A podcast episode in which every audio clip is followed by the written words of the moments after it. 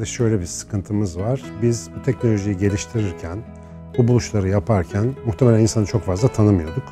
Ama şimdi yeni dönemde özellikle biyolojinin bize öğrettiği, sinir bilimlerinin bize öğrettiği, insanın en azından biyolojik donanımla ilgili yeni öğrendiğimiz şeyler teknolojik gelişmeyle çok uyumlu bir beden ve zihnimiz olmadığını gösteriyor. Teknoloji başka bir tarafa doğru gidiyor. Çok hızlı, bizim kaldırabileceğimizden çok fazla kolaylık sağlayan bir yola doğru giderken bizim bedenimiz maalesef buna uyum sağlamakta zorlanıyor. Yeni dönemde yaklaşık 200-250 yıldır işte sanayi devriminden sonra ürettiğimiz bu medeniyetin tamamen dijital bir sisteme geçtiği bir dünyaya giriş yapacağız. Ve çoğu sanayi devriminden sonra planlanmış birçok meslek, birçok iş alanı, birçok günlük uğraş yerini tamamen işte dijital ve haberleşen cihazların yönetebileceği işlere bırakacak. E, dolayısıyla bizi biraz işsiz bir dönem bekliyor. Yani bildiğimiz klasik mesleklerin ortadan kalktığı, klasik uğraşların çok ciddi şekil değiştirdiği, yani sanattan kültüre, işte bilimden politikaya kadar her şeyin bambaşka bir e, zaviyeden değerlendirilmesini gerektirecek yeni bir döneme giriyoruz açıkçası. Dolayısıyla bu dönemin ne getireceğini aslında öngörebilmek neredeyse imkansız. Çünkü 5 yıl sonra olabilecekleri bile tahayyül edemiyoruz. Teknolojimiz o kadar hızlı gelişiyor. Benim sıklıkla vurgulamaya çalıştığım bir şey insanın biyolojisini ne kadar iyi anlarsak, insanın canlılık tarihi boyunca nasıl yoğrulduğunu daha iyi anlayabilirsek o zaman hem insana daha uygun teknolojiler geliştirip önümüzdeki çağa insana daha uygun bir hale getirebiliriz hem de karşımıza çıkacak bu yeni dönemin sınavlarıyla biraz daha doğru bir şekilde baş edebiliriz diye düşünüyorum.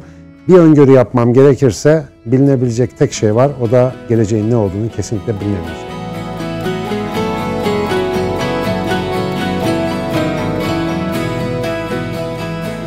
Bugün var olan mesleklerin büyük bir çoğunluğu ortadan kalkarken, şimdi kalkmaya başladı zaten, adını sanını hiç bilmediğimiz, e, var olabileceğini hiç düşünmediğimiz yeni meslekler gelecek. Dolayısıyla meslekler aslında insan adedince bile çeşitlenebilir. Çünkü e, artık belli okullardan belli diplomalar almış ve belli standart eğitimlerden geçmiş insanlar yerine medeniyetimizin, özellikle yeni çağın özel şeyler yapabilen, inovatif davranabilen ve daha önceden işte bulunmamış çözümleri bulabilen yaratıcı insanlara ihtiyacı olacak. E, ve bu durumda özellikle dijital teknolojinin işte herkesi bağlayan, bugün internetle gördüğümüz o altyapısı sayesinde her insanın biraz böyle nevi şahsına münhasır işler yapabileceği, bildiğimiz standart meslek kalıplarının çok dışında yaşam sürdürme seçeneklerinin ortaya çıkacağı bir zaman gelecek muhtemelen. Tabi o zamanda da e, yani insanların bu dünyaya adapte olabilmeleri için e, bir hali farklı kafa yapısı gerekiyor. Mesela benim adapte olmam zor gözüküyor çünkü ben klasik dünya insanıyım. Ama muhtemelen bir sonra doğan nesil artık bizden çok farklı şekilde düşünecek, çok farklı bir dünyaya uyanacak ve bizden bambaşka şekilde e, bütün dünyaya ve e, kendilerine bambaşka bir şekilde bakacaklar.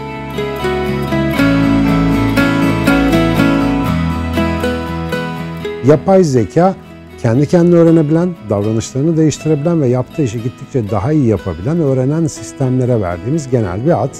E, bu sistemler çok ileri düzeyde gelişiyor ve çok daha fazla gelişim yaşayacaklar. Bugün ürettiğimiz bilgisayar, yapay zeka, e, daha dün ürettiğimiz taş balta ve mızraktan çok farklı bir şey değil. Herkes bir bıçaktan farklı değil. Biz e, bu cihazları işlerimizi kolaylaştırsın, işte bedensel donanımımızın yetmediği yerlerde bu cihazlar bize yardımcı olsun diye yaptık.